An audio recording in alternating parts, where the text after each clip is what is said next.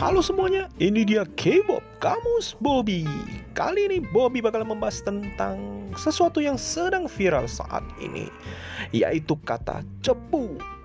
Yap, tentunya teman-teman sudah tahu cepu itu merupakan seseorang yang sering mengadukan perbuatan kita atau membeberkan rahasia kita kepada orang lain.